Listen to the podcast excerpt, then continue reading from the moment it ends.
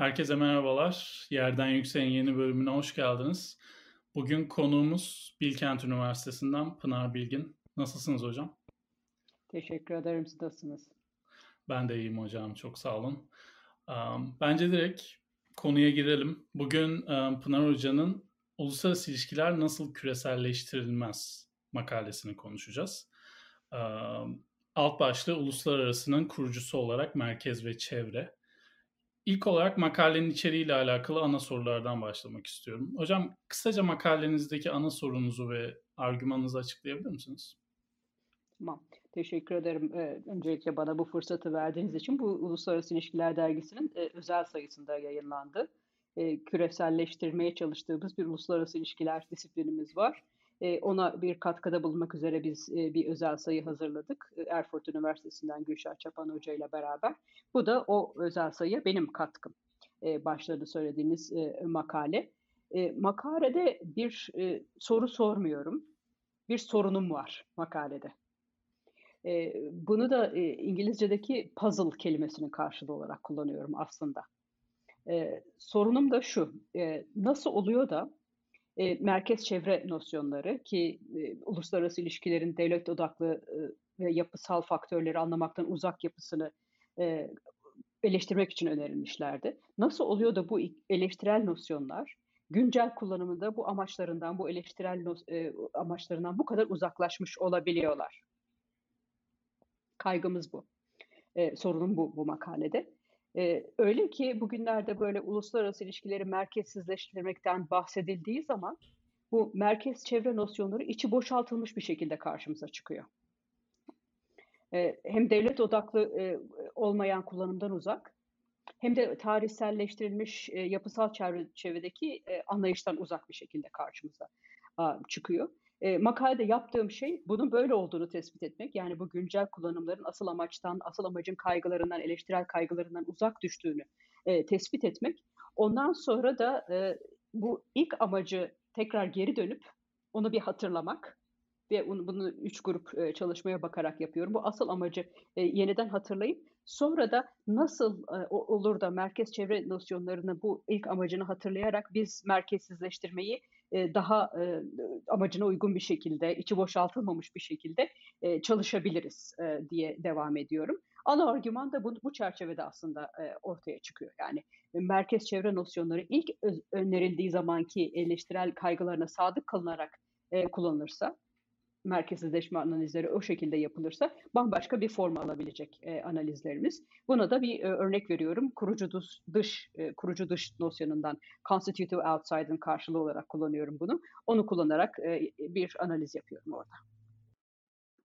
Hocam merkez çevre yaklaşımların çıkış noktası olarak makalede e, üç teoriden bahsediyorsunuz. Bağımlılık okulu, dünya sistem teorisi ve Galtung'un um, şiddetin yapısal teorisi. Um, bu üç teoriyi anlatabilir misiniz merkez çevre yaklaşımı perspektifinden? Şimdi demin dediğim gibi merkez çevre nosyonlarının bu bahsettiğim literatürde yoğun olarak kullanıldığını gördükten sonra bu nosyonları ilk olarak ortaya koymuş araştırmacılara gitmek ihtiyacı duydum. Bakalım onlar ne kastetmişler diye. Burada da esas olarak e, bildiğimiz bu nosyonları geliştirmiş olan bir bağımlılık okulu var. E, Güney Amerikalı e, araştırmacıların çoğu zaman oluşturduğu. Bir de daha çok adı Wallerstein'la alınan dünya sistem teorisi var. Bunların yanında bir de ben Johann Galtung'u kattım. Ne de olsa güvenlik çalışmaları şeyinden geliyorum, geçmişinden geliyorum. Galtung'u kattım çünkü Galtung'un da aslında yapısal bir yaklaşımı var. Ve merkez çevre nosyonlarını baktım ki çok da farklı olmayan bir şekilde kullanıyor aslında aslında. Dolayısıyla bu üçünü bir araya getirdim. E, merkez çevre nosyonlarını bakalım e, nasıl geliştirmişler diye baktım. Tabii bir de böyle geriye gidince e, küçük sürprizlerle de karşılaştım. Çünkü bu araştırmacılar birbirlerinden habersiz değiller. Birbirlerini tanıyorlar, beraber birbirleriyle etkilenmişler. Mesela Wallerstein son makalelerini bir araya getirdiği bir kitapta Andre Günther Frank'tan nasıl etkilendiğini anlatıyor Samir Amin'le ve Giovanni Arrighi ile beraber. Franz Fanon'u en çok etkilendiği düşünürlerden bir tanesi olarak sayıyor Wallerstein. Galtung'un Ali Mazzuri ile beraber işbirliği yaptığını biliyoruz. Yani bu araştırmacılar aslında birbirlerini tanımıyor değiller, birbirleriyle etkileşim içinde değil değiller. Dolayısıyla hani bu benzerlikler, ortaklıklar aslında şaşırtıcı da olmaması gerekir. bunları ortak noktası merkez çevre nosyonlarını geliştirirken coğrafi olmayan bir şekilde bakıyorlar merkeze ve çevreye. Yani merkez dünyanın bir tarafında, çevre de dünyanın bir tarafında değil ve devlet odaklı olmayan bir şekilde bakıyorlar. E, devlet odaklı olmadığından da kastettiğim e, birinci dünyada bir üçüncü dünya olabilir. Yani Amerika'nın içinde bir e, çevre olabilir, merkez bir ülke olarak e, ve e, Nijerya mesela çevre olarak görülebilecek bir ülkedir. Onun içinde de bir merkez e, unsurlar, merkez aktörler olabilir. Kastettikleri şey bu coğrafi olmamasından ve devlet odaklı olmamasından kastettikleri e, şeyler e, bunlar. E, çıkış kaygıları zaten o dönemde e, teorik bir e, kaygıyla ortaya çıkıyorlar. Diyorlar ki modernizasyon anlayışı gelişme e, kurumunun yetersizliğini ortaya koyuyor ve yeni nosyonlara bizim ihtiyacımız var diyorlar. Çünkü diyorlar yani az gelişmişlik, geri geri tırnak içinde değil mi? E, geri kalmışlık. Bunlar kendi başına ülkelerin kendi dinamikleri bakımından ortaya çıkan şeyler değil. Yapısal bir bir yapı içinde ortaya çıkıyorlar. E, Frank'ın sözünü e, Wallerstein daha sonra alıyor bu development of underdevelopment değil mi? Az gelişmişliğin gelişme süreci. E, burada kastettiği şey bir ülkenin gelişmeden kalması. Hep tırnak içinde söylüyorum tabii bunları çünkü belirli bir gelişme anlayışı, gelişmişlik anlayışı var. Gelişmeden kalması sadece kendi iç faktörüyle ne ekonomiyle ne kültürle ne iklimle değil mi zamanında öyle de açıklamaya kalkmışlar. E, bunlarla açıklanamayacak e, bir şey sınır ötesi ilişkilerin e, sonucu ve bu sınır ötesi ilişkilerinde e, oluşturduğu e, bir e, yapı var e, merkez aktörler, e, çevre aktörleri bağımlı kılıyor ama bu yapıların içindeki sıkışmışlık bakımından e, bağlı kılıyor. Wallerstein'in bunun ötesine geçen bir anlayışı var tabii. Yani bağımlılık okulunun ötesinde e, daha epistemolojik boyutlarına e, inen bir e, analiz sunuyor. Bu demin bahsettiğim makalelerini topladığı son kitapta şöyle bir şey söylüyor. Ben diyor Afrika çalışmalarıyla başladım. Aslında Afrika'ya ve ampirik olarak izin araştırma yapmak için de bu işe başladım ve esas olan da budur diye düşünüyordum. Alana gitmek, araştırmak, ondan sonra bu bilgileri sunmak. Esas olan budur diye düşünüyordum diyor. Sonra da diyor baktım ki diyor kavramlarımız ve kuramlarımız bu benim yaptığım işe izin vermiyor. Benim önce kavramları ve kuramları geliştirmem lazım ki istediğim e, ekonomi politik e, analizini yapayım. Bu şekilde böyle biraz tesadüfi bir şekilde e, kendisi kuramcı hale geliyor. Be, tam kendisini de beklemediği bir şekilde. Dediğim gibi e, Galtung'u da bunların e, yanına kattım çünkü e, şey e, yapısal olarak bir analizi var. Biraz daha o da şey güvenlik, barış, şiddet, anlaşmazlık olsa bile Galtung'da tabii kültürel boyuta kayma da görüyoruz. Özellikle araştırmasının daha ileriki aşamalarında. Wallerstein'de de var sonraki aşamalarda. Galtung'da da var kültürel boyuta özellikle bakmak ama tabii kültürden kastettikleri şey statik bir şey değil. Yani kültürelci bir yaklaşımları asla yok. İşte geriye giderek biraz bunları keşfetmiş oldum. Hem şey asıl kaygılarını keşfetmiş oldum hem de tabii epistemolojik olarak kendilerini nasıl bekleme, beklenmedik bir yerde bulmuşlar ve oradan harekete geçme ihtiyacı bulmuşlar. Onu buldum. Böyle böylece e, benim de e, benim analizime de bir zenginlik katmış oldu aslında böyle daha basit bir beklenti içindeyken. Hı hı. Sizin analizinize geçersek de orada bahsettiğiniz şeyin merkezle çevre arasındaki ilişki. Genelde literatürde gördüğümüz şey merkezin çevreyi nasıl etkilediği ile alakalı oluyor. Ama sizin burada bahsettiğiniz direkt alıntı yapmak gerekirse çevre merkezin uluslararası hakkında sunduğu ana akım anlatılar tarafından dışarıda bırakıldığı için dıştadır. Ancak aynı zamanda da kurucudur. Yani burada direkt olarak çevrenin hem merkezi etkilediğinden bahsediyoruz hem de aslında bir anlamda merkezin kurucularından biri olduğundan bahsediyoruz. Burada e, bu kuruluşundaki yeriyle alakalı, çevrenin merkezin kuruluşundaki yeriyle alakalı üç yoldan bahsediyorsunuz makalede. E, Bunları kısaca anlatabilir misiniz? E, olur. Eee, şimdi bu, ııı, şeyle başlayayım, kurucu dış kavramıyla başlayayım. Constitutive outside. Çünkü, onu 3'e ayırıyorum aslında burada yaptığım şey o. Bu kavramı Stuart Hall, kültürel, eee, kuramcı Stuart Hall öneriyor. Timothy Mitchell da, eee, hem Orta Doğu analizinde, eee, hem, ekonomi politik analizinde, kullanmış. Ben uluslararası ilişkiler literatüründe bunu Naim İnayetullah ve David Blaney'nin çalışmalarında gördüm. Oradan öğrendim. Sonra geriye dönük olarak aslında kavramın izini sürdüm ve biraz da ileriye, yönelik geliştirmek üzere kendim de, bunun üzerinde, çalıştım. Şimdi bu kavrama gelirken, eee, hani, demin bir sorunla başladım dedim ya, uluslararası ilişkilerin devlet odaklı yapısal faktörleri, eee, anlamaktan uzak kalmasını eleştirmek için kullanılmış. Ama günümüzde hem bir yandan uluslararası ilişkileri merkezsizleştirmek için kullanılıyor, değil mi? Merkezsizleştirmek ne demek? Şu andaki merkezi merkez olmaktan çıkarmak, hepimizin, eee, avro merkezli olmaktan yani çıkarmak, eee, ve bunu yerine başka bir merkeze koymamak ama. Değil mi? Chakrabarty'nin Avrupa'yı merkez olmaktan çıkarması, ona diğer çevreler gibi yaklaşması, diğerlerinden çok da ayırt etmeden yaklaşması, diye, o çerçevede anlayabiliriz bunu. Şimdi burada or ortaya koyduğum şey, uluslararası ilişkileri merkezsizleştirmeye çalışan bir grup araştırma, merkez ve çevreyi coğrafi olarak anlıyor bir yandan da.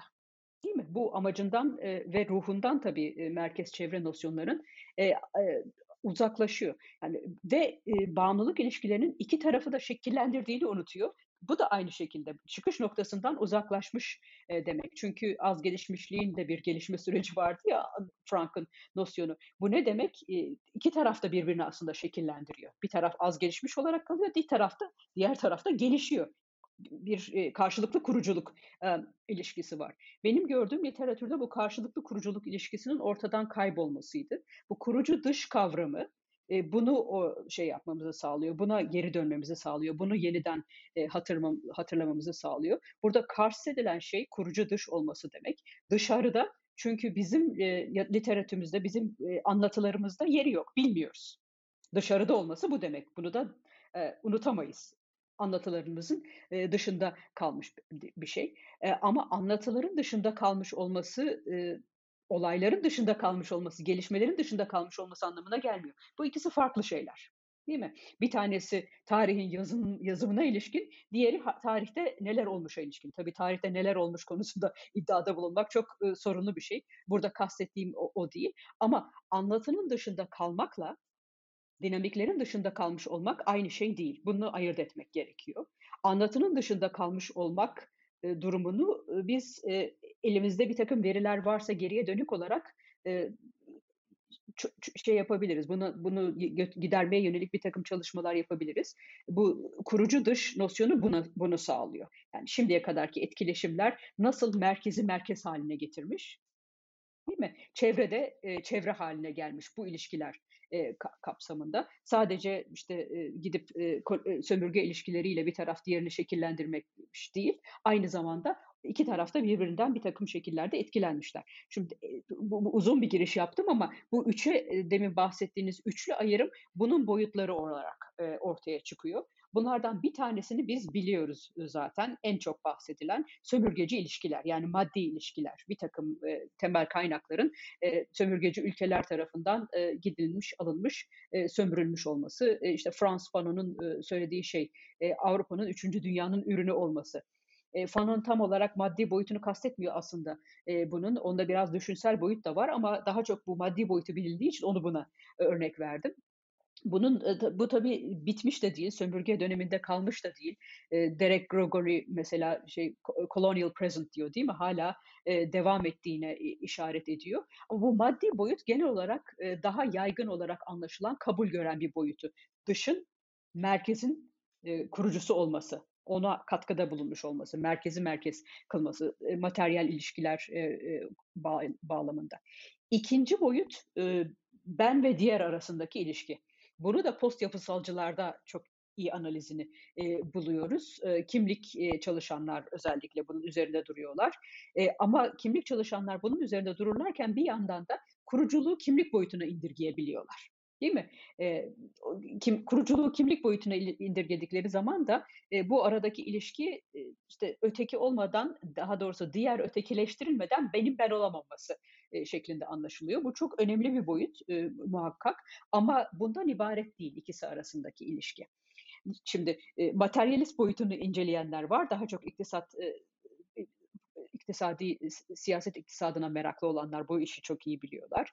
E, kimlik boyutunu ilişkilenler, inceleyenler var. Post yapısalcılar bu işin boyutunu e, çok iyi e, biliyorlar. Ama bunlardan ibaret değil bu kurucu. Yani çevrenin e, merkezi e, e, şekillendirmesinin e, boyutları. Bir üçüncü boyut var. O da düşünsel ve kurumsal boyutu. Bunu çoğu zaman bilmiyoruz bu düşünsel ve kurumsal boyutunu çoğu zaman boyutunu çoğu zaman e, bilmiyoruz. E, halbuki merkez dediğimiz kendi başına bugünkü haline gelmiş değil.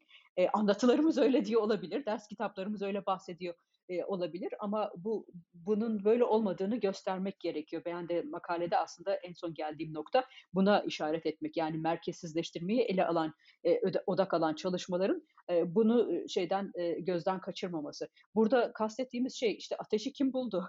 Kağıdı ilk defa kim kullandı? Barutu kim icat etti? Bunlar kastedilmiyor ya da Amerika'ya ilk defa kim gitti değil mi? Bunlar değil e, kastedilen şeyler e, ve meselenin buna indirgenmesi de çok karmaşık bir durumu aslında basitleştiriyor ve önemsizleştiriyor basitleştirdiği anda. E, burada olan e, Avrupa'ya atfettiğimiz e, bir takım düşünce ve kurumların karşılıklı ilişkiler içinde oluşmuş olması. Değil mi? Tek başına kimseye ait olmayan e, düşünce kurumlardan bahsediyoruz. E, tek başına kimseye ait değiller. Bunların tarihini yazmak da tabii bana düşmez değil mi? Benim yaptığım şey, formasyonum buna asla izin vermez. Benim yaptığım şey bunların zaten yazılmış olduğu yerleri bulup onlardan e, hareket ederek, onlardan yararlanarak, o zenginliği kullanarak uluslararası ilişkilerin e, merkezsizleştirilmesi çalışmalarına katkıda bulunmak. Makalede işte en sonunda en gel, sonunda geldiğim noktada yapmaya çalıştığımda e, bu. Hı hı. Hocam bu ilişkiden bahsederken ben makalenizi okuduğumda sizin makalede e, uyguladığınız metodolojik mantıkla e, bu klasik Amerikan akademisindeki ana akım teorilerde gördüğümüz metodolojik mantık arasında bir fark var gibi geldi. Yani bu klasik ana akım tırnak içinde söylüyorum. Teorilere baktığımızda hep bir iki değişken arasındaki korelasyona veya nedenselliğe bakma genelde her zaman bir bağımsız değişken vardır, bir neden vardır ve bu bağımlı değişkene sebep olur, bir sonuca sebep olur ve bunun bir yönü vardır. Mantığıyla ilerliyor birazcık da aslında. Ama e, ana akım dışındaki teorilere gittiğimiz zaman, sizin burada bahsettiğiniz makaledeki makalede de bu mantığı görüyorum. Aslında değişkenlerin birbirini aynı anda etkileyebilmesi muhtemel. Birbirlerine aynı anda neden olabilmeleri mümkün. Hatta birbirlerine aynı anda inşa edebilmeleri bu yoruma katılıyor musunuz ve bu farklılığın nedenleri nelerdir sizce ve niye çevre aslında ana akımı bu konuda, bu metodolojik hususta çok fazla etkileyemiyor hala? Şimdi belki çevreyle eleştirel yaklaşımları ayırt etsek iyi olabilir. Hı hı. Ana akım dediğiniz bu geleneksel uluslararası ilişkiler teorileri iki yönlü karşılıklı kurucu ilişki görmüyorlar tabii. Onlar e, tek yönlü ilişkiler e, üzerinde e, duruyorlar. Ama diğer taraftan mesela bunun istisnası da var. E, neoklasik e, gerçekçi kuramda çok faktörlü açıklamalar var. Üstelik e, faktörler arasındaki ilişkiler de çok da net değil diğer e, gerçekçi kuramların e, diğer varyasyonlarına e, bakılacak bakılacak olursa. Asla karşılıklı kurucu değil. Yani o bakımdan e, diyalektik ilişkilerden bahsetmiyoruz. Ama diğerleri kadar sade değil mi? Az faktörü indirgenmiş bir açıklay şeyde e, bir yaklaşımda yok e, neo şeyde neoklasik e, gerçekçi kuramlarda.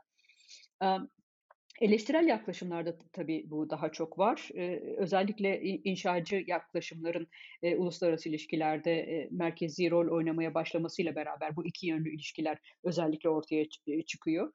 Hani diyalektiğin çıkış noktası olan şeyde tarihsel e, materyalist yaklaşımlarda bile bu e, karşılıklı ilişki bu kadar ortaya çıkmamıştı. İnşacı kuramlarla beraber uluslararası ilişkilere bu karşılıklı ilişkiler aslında geldi biraz da şaşırtıcı bir şekilde. Neo Gramsci'nin e, şeylerde çalışmalarda tabii en çok bunu buluyoruz son dönemde. Onlar bu ikisinin de metodolojik olarak katkılarını en çarpıcı bir şekilde karşımıza çıkartıyorlar. Yani eleştirel yaklaşımlar arasında tabii şey de var. Daha çevreden odak almış, e, çevreden e, çıkmış e, postkolonyal yaklaşımlarda e, var tabii. Onların e, etkileri e, şimdiye kadar sınırlı kalmış e, gibi görünüyor ama tabii onların da karşılıklı kurmaktan bahsettiği şey bir Frankfurt ekolünün bahsettiği şey değil ya da bir post yapısalcıların bahsettiği şey değil. En yakın oldukları post yapısalcı yaklaşım olsa bile. Bunların birbirlerini etkilemeleri de kolay değil aslında. Çünkü sadece metodolojik değil, epistemolojik ve ontolojik olarak başka yerdeler epistemolojik ve ontolojik olarak başka yerde olunca tabii metodolojik olarak da bambaşka şeyler çıkış noktaları e, oluyor. Bu sorulara ne, ne, ne, demeyi kastediyorum? Yani bildiğimizi nasıl biliriz? Değil mi? Ve bilmek için gayret ettiğimiz nedir? E, bu sorulara bambaşka cevaplar verdikleri zaman bir e, şey birbirlerini etkilemeleri de e, kolay olmuyor. Çünkü bir tanesinin epistemolojik e, kabulleriyle yola çıkınca e, diğerinin e, hükmü kalmıyor. Bu yüzden de zaten iletişim kurmaları e, kolay olmuyor. E, çoğulculuktan bahsettiğimiz zaman bile kastettiğimiz şey hani en azından birbirinin e, yaşamasına izin veren e, bir çoğulculuk kastediyor oluyoruz. Birbirini besleyen çoğulculuklar e, olamıyor sizin sorunuzun şey çıkış noktası anladığım kadarıyla eğer, yanlış anlamadıysam. Evet, hocam burada um, uluslararası ilişkiler teorileri özelinde düşünürsek um, bu ya birçok teori var. Realist, liberal, sosyal inşacı, eleştirel, post-structuralism, post-colonialism. Yani bunlara genel olarak baktığımızda böyle merkez teoriler ve çevre teoriler diye bir sınıflandırma yapmak mümkün mü gerçekten? Mümkünse de bu sınıfların içerisine hangi teoriler girebilir? Hangi teori hangi sınıftadır?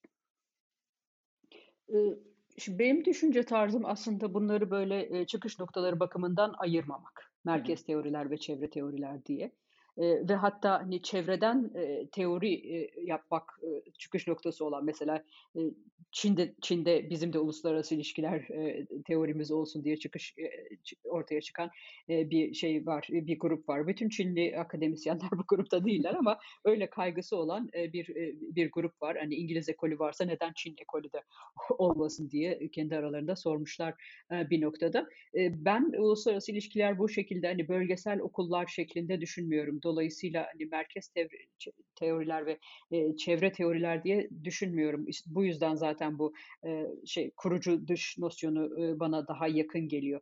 E, merkeze atfettiğimiz teoriler üzerinde çevrenin katkısı var. Ben bununla ilgileniyorum. Bunu ortaya çıkartmakla ilgileniyorum. Bunun çok çarpıcı örnekleri var. E, sadece biz e, bilmiyoruz size.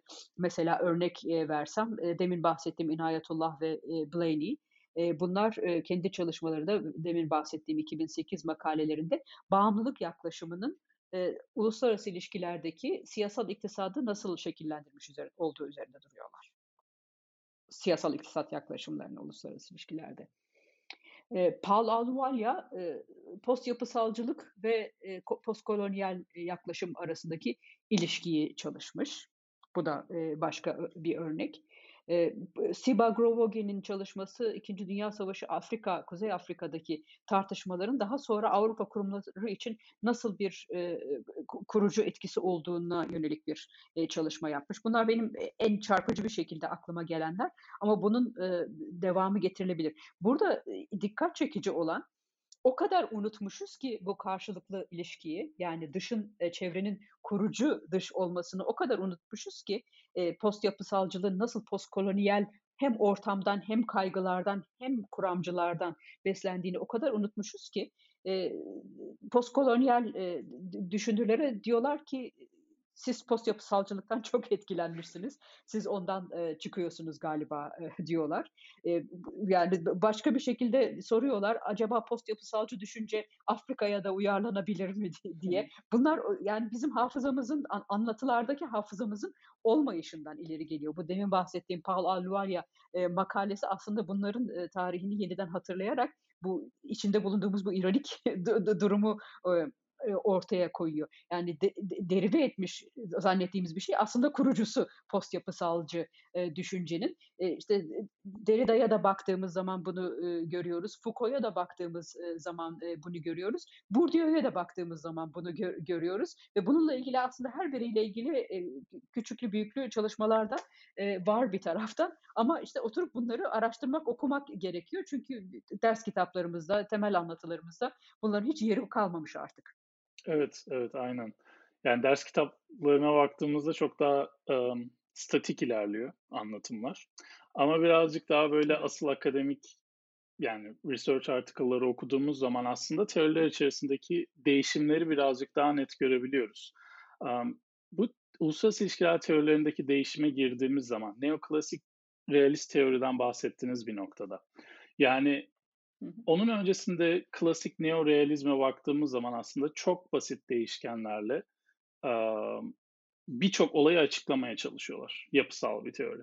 Ama bundan sonraki sürece baktığımız zaman klasik realizmi birazcık dışarıda tutuyorum. Sonraki süreçte tamam. neoklasik realizmde birazcık daha işin içerisine iç siyaset faktörleri giriyor, daha fazla değişken giriyor. Oradan yine rasyonalist teorilerden ilerlersek liberal teorilere baktığımızda yine iç siyaset bir değişken olarak kullanıyoruz. Hatta onun üzerine devlet dışı aktörlerin etkilerini görüyoruz kurumsalcılıkta. Oradan sosyal inşacılığa gidersek daha fazla kimlik odaklı noktalar var ve aktör sayısı gittikçe artıyor. Normalde ben bu değişime baktığım zaman benim kafamdaki mantık şu şekilde ilerliyordu. Teoriler bir şeyleri açıklayamadıkları sürece bir şekilde kendilerini yenileyip ilerleyip bu noktaya geldiler.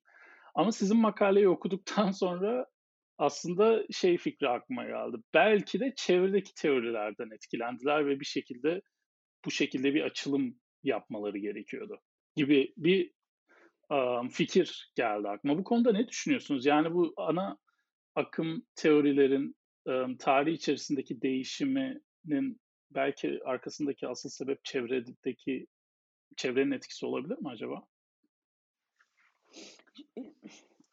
Bu başlı başına araştırılması gereken bir soru. Yani ben bunu araştırmadım. şimdiye kadar üzerine yapılmış araştırma da görmedim. onun için hani bilgiye dayalı bir cevap veremiyorum. Ama yani şunu söyleyebilirim. Uluslararası ilişkilerin dünyanın farklı yerlerindeki ne kökü, disiplin olarak uluslararası ilişkilerin dünyanın farklı yerlerinde başlangıç noktalarının olduğunu çalışan bir grup araştırmacı var. Daha tarih kökenli, düşünce tarihi kökenli bu araştırmacılar. Review of International Studies dergisinde yakın zamanda bir özel sayı çıkacak buna bakan. Yani uluslararası ilişkilerin farklı başlangıç noktaları. Sadece işte İngiltere'de, Galler'de değil, Aberystwyth'te. Daha sonra Amerika'da sadece gelişmiş değil. Dünyanın başka yerlerinde bunu Güney Afrika'ya götürüyorlar. Ama hani Güney Afrika daha da dünyayla şeyle İngiltere ile bağlantılı diyeceksiniz. Asya'nın başka noktalarına getiriyorlar, Japonya'ya getiriyorlar. Farklı başlangıç noktalarını buluyorlar. E, tarihsel olarak buluyorlar üstelik bunu. Hani yakın zamanlara ait olarak da buluyorlar. Bir böyle bir şey var, araştırma e, bir grubu var. Onlardan bir takım bir şeyler öğreniyoruz. Ama tabii sizin sorduğunuz kuram, kuram bazında acaba öğrenmiş olabilirler mi? Burada da ilk düş aklıma gelen cevap şu. Bizim kuram nereden geliyor? Değil mi? Kuramsal olan nereden geliyor sorusuna vardığımız, verdiğimiz cevaba bağlı olarak bu soruya bir cevap e, verebiliriz. Kuramsal olan aslında e, ampirik olana bakıp onun üzerine düşünüp onu soyutlayarak geliyorsa ve her defasında onu bir yerlere uygulayarak, bir yerlerde test ederek biz aslında kuramımızı geliştirmek üzerine çalışıyorsak, değil mi? Yani kuramla ampirik arasındaki, kuramla örnek arasındaki ilişki, dünya arasındaki ilişki bizim anlayışımız bu şekilde ise hiçbir zaman kuram değişmeden kalmıyor demektir.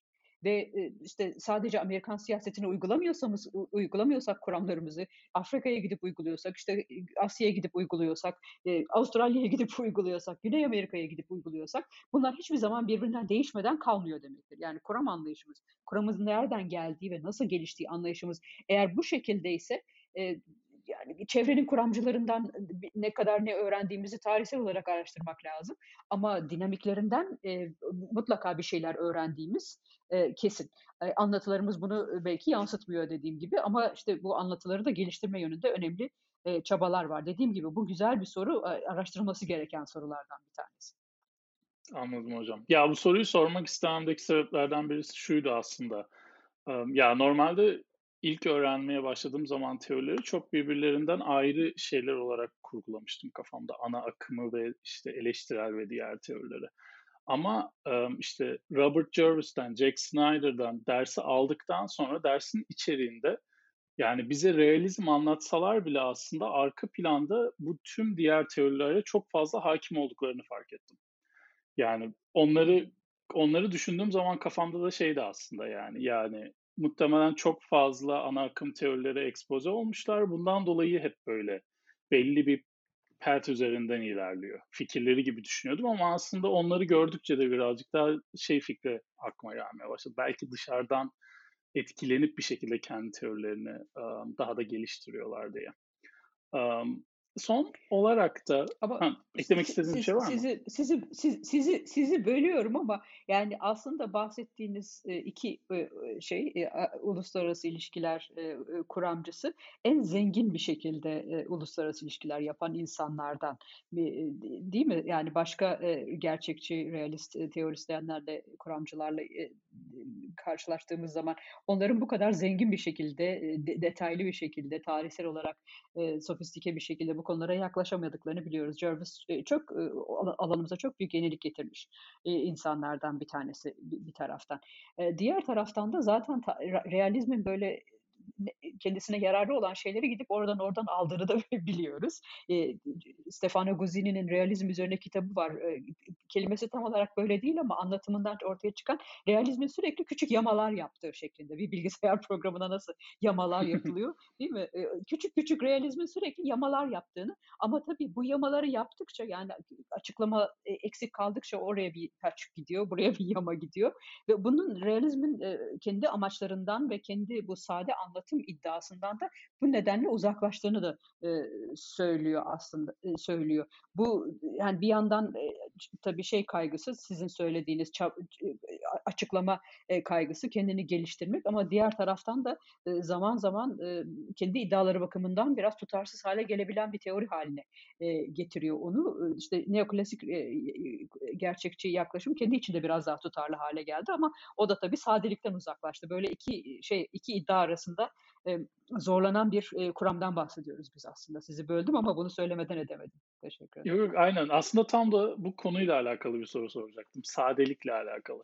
Yani dediğiniz gibi evet. neo, neorealizmden neoklasik realizme bir geçiş var. Um, sadelik daha azaldı. Daha fazla değişken işin içine girmiş oldu. Ama genel anlamda baktığımızda um, ana akım teorilerde hep şey mantığı var. Bu hani parsimonious theory deriz ya ne kadar az değişkenle ne kadar çok şey açıklarsak teori aslında o kadar açıklayıcıdır ve güçlüdür. Genel olarak da bu mantıklı ilerledikleri için teorilerin hipotezlerinin böyle çok basit, anlaşılır, ölçülebilir olduğunu görüyoruz. Öbür taraftan birazcık daha ana akım dışındaki teorilere baktığımızda bazen metodolojik olarak zor oluyor.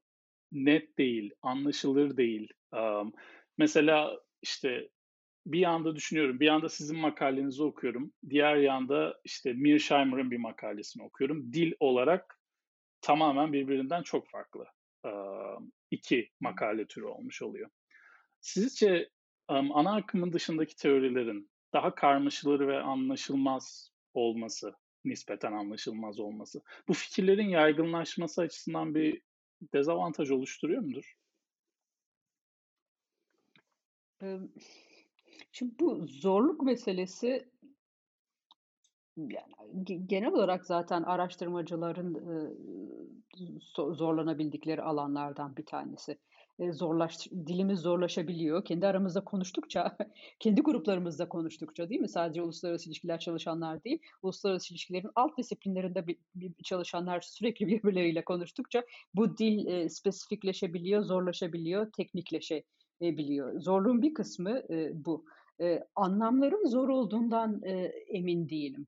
E, belki e, anlamların zor olması tanışıklık meselesidir diye düşünüyorum. Çünkü e, dışarıdan bakan birisi için gerçekçi kuram hiç öyle kolay anlaşılacak bir kuram değil. Bir sürü varsayımla başlıyor ve dışarıdan bakan birisinin o varsayımların nereden çıktığını ortaya nereden çıktığını anlaması hiç de öyle kolay bir şey değil. Ama tanışıklık e, kolay anlaşılırlığı beraberinde getiriyor. Birinci sınıfta başka bir şeyle tanışmaya başlamış olsaydık daha sonra yüksek lisansta karşılaştığımızda belki bu kadar yabancı gelmiyor olacak. Dolayısıyla bu zorluk meselesini çok aslında kabul etmiyorum. Bunun yerine şey diyorum tanışma meselesidir diyorum. E, anlaşılmayan dil konusunda hepimiz biraz suçluyuz. onu şey yaparım, kabul ederim. Hepimiz o konuda gelişmeye biraz muhtacız. Onu kabul ederim. Ama bir de içerik kısmına buna cevap vereyim sadece. Zorluk kelimesine takılmış olmayayım. E, içerik olarak ben buna cevap vereyim. Bu şey kaygısı, daha az değişkenle bir şey, bir takım şeyleri açıklama kaygısı. Tabii şeyde gerçekçi kuramın çıkış noktası bu değil esas olarak 1960'ların sonu 70'lerin başı e, da re, realizme bunu Waltz getiriyor benim bildiğim kadarıyla. Yanılıyor olabilirim tabii ama e, gerçekçi e, kuramı o sadeleştiriyor. O e, şeyde değişkenler arasında şey bir takım değişkenleri belirliyor. Yani kapalı bir sistem getiriyor realizme. Diğer bütün bir takım faktörleri dışarıda e, bırakarak e, bu işte bu parsimony dediğimiz e, az değişkenli bir takım şeylerin açıklanması, e, sadelik dediğimiz şeyi onu da getiriyor ama e, Cynthia Enlo'nun e, benim e, hep hatırladığım e, bir şeyi var, sözü var. E, diyor ki, e, yani kelime kelime tabii tam olarak söyleyemeyeceğim ama e, biz diyor e, uluslararası ilişkilerde diyor açıklayıcı olma açıklayıcı olmak adına diyor e, kesip biçiyoruz diyor.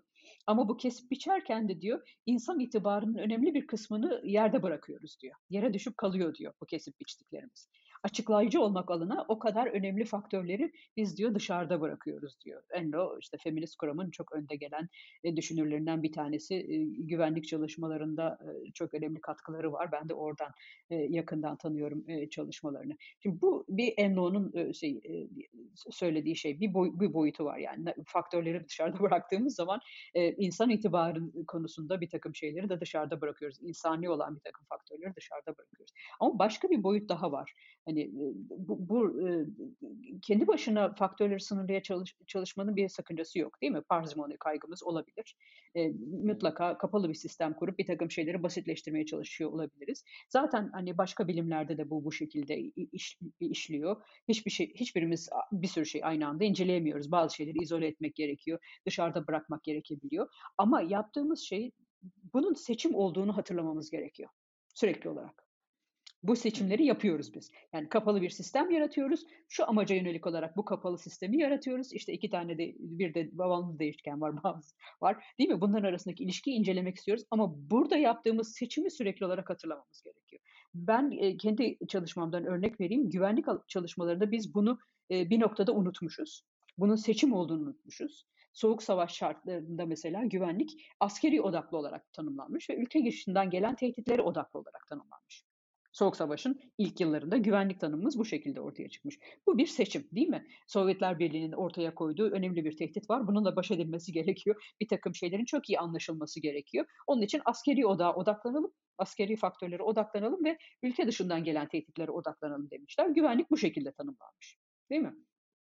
Şimdi daha sonra eleştirel güvenlik çalışmaları ortaya çıktığı zaman da onlar başka faktörleri ortaya çıkartmak, onları da incelemek istedikleri zaman işte bunun insani boyutuna da bakalım, çevre boyutuna da bakalım dedikleri zaman onlara deniyor ki ya parzimoniden uzaklaşıyoruz. Çok fazla faktörü ortaya çıkartıyorsunuz. Bu, bunu nasıl bilimsel olarak yapacağız böyle e, yaparsınız diyor. Aslında geriye dönük olarak Amerika'da güvenlik uygulamaları ne olmuş diye baktığımız zaman yaptıkları tanımla Amerika'nın kendi güvenlik politikalarının uymadığını görüyoruz. Amerika'nın kendi uygulamalarında güvenlik hiçbir zaman sadece dış şey sadece askeri odaklı olmamış. Amerika'nın güvenlik kaygıları hiçbir zaman sadece ülke dışından gelen tehditlere odaklı olmamış değil mi? Bir McCarthyizm dönemi var. Hı hı. Mesela onu hatırlayalım. Bir de Marshall Planı var. Ve bunların ikisi de e, kendi güvenlik tanımlarının dışına çıkan uygulamalar aslında. Yani bu seçimler yapılırken parsimony dediğimiz değil mi az faktörlü e, çalışma yaratılırken biz e, yaptığımız seçimlerle e, olayları, gerçekliği birbirine karıştırmaya başlamışız. Bu noktada seçimleri unutmamız e, çok ciddi sakıncalar ortaya çıkarıyor. Yani ne yapıyoruz? Varsayımlarımızın esiri oluyoruz. Değil mi? Varsayımlarımızı şeyleştiriyoruz. Sonra dünya bu şeylerden ibaretmiş gibi yaklaşmaya başlıyoruz. Şey az faktörlü açıklamanın sakıncası bu o az faktörle açıkladığımız şeyleri dünyadan ibaret zannetmeye başlamak. Yoksa metodolojik olarak e, bu karşı olduğum e, bir şey değil asla. Ama e, unutmaya başladığımız zaman, şeyleştirmeye başladığımız zaman thingification diyorlar değil mi buna? Reification, thingification diyorlar. E, onu onu yapmaya başladığımız zaman işte e, kuramlarımız e, geri kalıyor. Kendi uygulamalarımızın gerisinde kalıyor. E, in, insani faktörleri, Enno'nun bahsettiği insani faktörleri hiç saymadan kendi anlamamız gereken e, boyutların gerisinde kalıyor. Evet, yani ben de bu ilişkiye baktığım zaman aslında bir trade-off var orada gibi geliyor. Yani ikisini beraber yapabilmek, yani az değişkenleri, çok fazla şeyi her zaman açıklayabilmek her zaman çok fazla mümkün olmuyor gibi geliyor bana. Hocam bir de aslında elimdeki makaleyle ve literatürle alakalı sorular bu kadar. Sizin eklemek istediğiniz bir şey var mı? Yok, gereğinden fazla uzatarak zaten cevaplar verdim galiba sizin sorularınıza. Bazen şey yaparak, bazen sorunun da dışına çıkarak. Buyurun var mı başka bir şeyimiz? çok çok çok güzel oldu hocam muhabbet. Ben size bir de şey sorusu sormak istiyorum. şimdi bizi izleyenler arasında yüksek lisansa, doktoraya başvuracak, siyaset biliminde başvuracak olan kişiler var. Siz de Bilkent Üniversitesi'nde öğretim üyesisiniz. Bu başvuracak öğrencilere şeyin tavsiyeleriniz var mıdır acaba? Herkesin dikkat etmesi gereken belli şeyler başvuru sürecinde. Daha ileri eğitim yapmak üzere, yüksek lisans doktora yapmak üzere diye kastediyoruz. Yoksa evet. genel olarak mı bahsediyoruz bundan? Yok, yüksek lisans doktora. Tamam, yüksek lisans doktora yapmaya, özellikle doktora yapmaya karar vermeden önce çok emin olmak gerekiyor ben, çoğu zaman da yüksek lisans yapmayı onun için zaten tavsiye ediyorum. Bir bakalım, bu bu bu bu işe girmek istiyor musunuz yani? Yaptığımız iş düşünmek, yazmak. ömrünüzün büyük bir kısmını bunu yaparak geçirmek istiyor musunuz diye. ben, doğrusu, önce bir yüksek lisansta kendinizi deneyin, ona göre doktoraya, karar verin diyorum. ya yaptığımız iş, bazı bakımlardan, çok, doyum sağlayan bir iş değil mi? Uluslararası ilişkiler konusunda düşünmek, bir takım şeylerin nasıl böyle olduğunu anlamak ve daha başka nasıl değişebilir konusuna kafa yormak çok ciddi bir şekilde doyum sağlayan bir iş bir taraftan. Diğer taraftan da eğer dünyayı böyle hızlı bir şekilde değiştirmeye meraklı arkadaşlarımız varsa aramızda onlara göre değil yaptığımız iş. Çünkü bizimki bir yatırım. esas olarak gelecek nesile yatırım yapıyoruz bu yaptığımız işte. Yani yazdığımız makalelerde, verdiğimiz derslerde, yaptığımız işte bu, bu şekilde sohbetlerde, konuşmalarda biz gelecek nesile yatırım yapıyoruz. O gelecek nesile yaptığımız yatırımı da hemen yarın öbür gün görmek asla mümkün olmuyor. Onun için kısa vadede hani bir sonuç bekliyorlarsa yaptıkları işten on, onlara göre değil bu, bu yaptığımız iş. Onun belki farkında olmaları lazım. Çok uzun soluklu, mutlaka etkisi olan ama çok uzun soluklu bir iş yapıyoruz. Belki o seçimin farkında olarak meslektaş olsalar bize onu tavsiye edebilirim doğrusu. Bir doktor öğrencisi olarak şu anda söylediğiniz şeyleri tamamen yaşıyorum. Onun için hocam tamamen katılıyorum söylediğiniz şeylere şu anda. Moral bozmuş olmayayım ama asla sakın. Yok yok hocam bence yani bunun farkında olarak başlamış olmaları bence çok daha iyi olur. En azından sonradan bunu fark edip de vazgeçmektense baştan bunu fark edip bu şekilde başvurmak bence çok daha mantıklı yani. Um, hocam çok teşekkür ederim. Bence çok güzel bir um, yayın oldu. Sizin makalenizin linkini aşağıya um, yayının altına koyacağız. Ayrıca ben tweetleyeceğim bunu. Oradan makaleyi indirebilirsiniz. Um, çok teşekkür ediyorum hocam. Size çok güzel bir yayın oldu. Um, ben teşekkür ederim de... hem düşünceniz için hem bu sorular için de. Rica ederim hocam. Katıldığınız için çok teşekkürler. Herkese de iyi günler. Sonraki yayınlarda görüşmek üzere.